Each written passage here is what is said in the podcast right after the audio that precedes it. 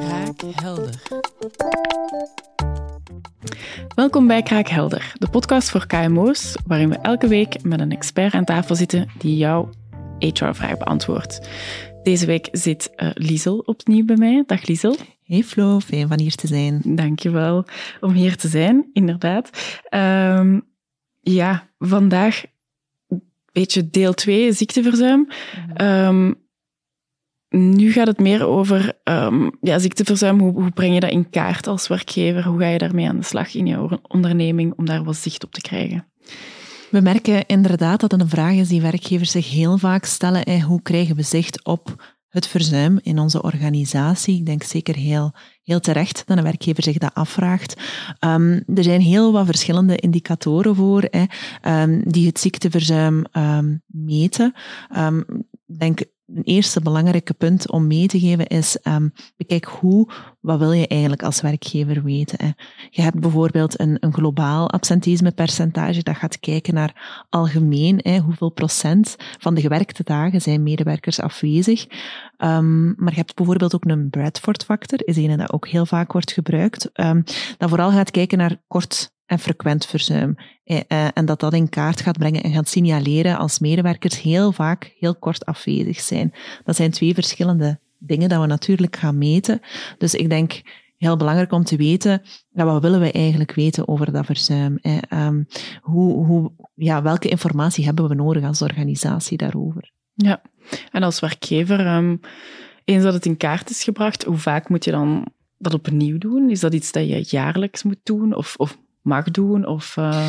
Ik denk dat als werkgever ook wel belangrijk is om dat niet eenmalig te meten. Van bijvoorbeeld op uh, vandaag, eh, zoveelste oktober, um, zijn er zoveel mensen ziek in mijn organisatie, maar om dat echt wel op structurele manier in te bedden in ja, het beleid van de organisatie, regelmatig te gaan monitoren en te gaan kijken naar ja, hoe zit het met onze medewerkers, maar ook de evolutie van bepaalde jaren tegenover elkaar is interessant.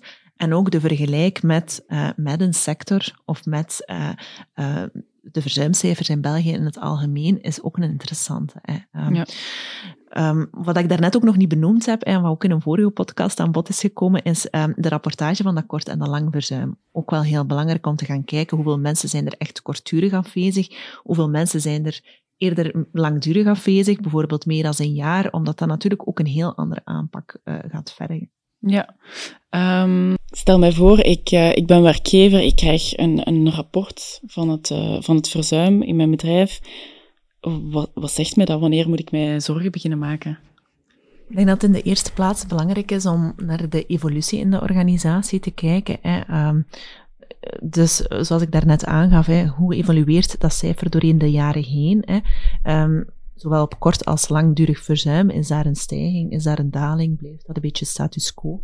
Dus die evolutie is in eerste instantie heel belangrijk. Um, tweede ook is een stukje het, het gaan kijken naar hoe is de tendens hè, in België in de sector uh, over het algemeen. En daar zien we globaal genomen dat bijvoorbeeld het kortdurend verzuim uh, in België heel sterk stijgt. Um, het langdurig verzuim eh, zien we de laatste jaren een beetje stagneren. Dus ja, als je dan ziet in je organisatie van dat langdurig verzuim bij mij blijft dat heel snel omhoog gaan, eh, um, kan dat een teken zijn dat, dat je daar als organisatie op moet inzetten. Ja, moeten we dan ook kijken naar de oorzaken erachter? Zit dat ook bij, bij uw rapport van uh, ziekteverzuim? Um, zeker. We hebben het nu vooral over die indicatoren gehad hè, um, van, van verzuim, maar ook wel belangrijk om naar die oorzaken te gaan kijken. Hè. Uh, wat zit er achter dat verzuim? Welke werkgerelateerde zaken spelen daarin ook een rol? En welk aandeel heeft het werk op dat ziekteverzuim? Omdat je daar natuurlijk als werkgever een impact op hebt hè, en op kunt inzetten. Ja, oké, okay, dat is duidelijk. Dankjewel, Diesel. Graag gedaan. Wij uh, zijn klaar voor deze aflevering. Um, hopelijk heb jij een kraakhelder antwoord gekregen op jouw HR-vraag. Volgende keer zijn wij er opnieuw met een nieuwe vraag. Maar heb jij eentje dat hier nog niet is uh, de revue gepasseerd, dan mag je zeker je vraag doorsturen via liantis.be slash kraakhelder of via onze Instagram kraakhelder.podcast. Tot de volgende keer.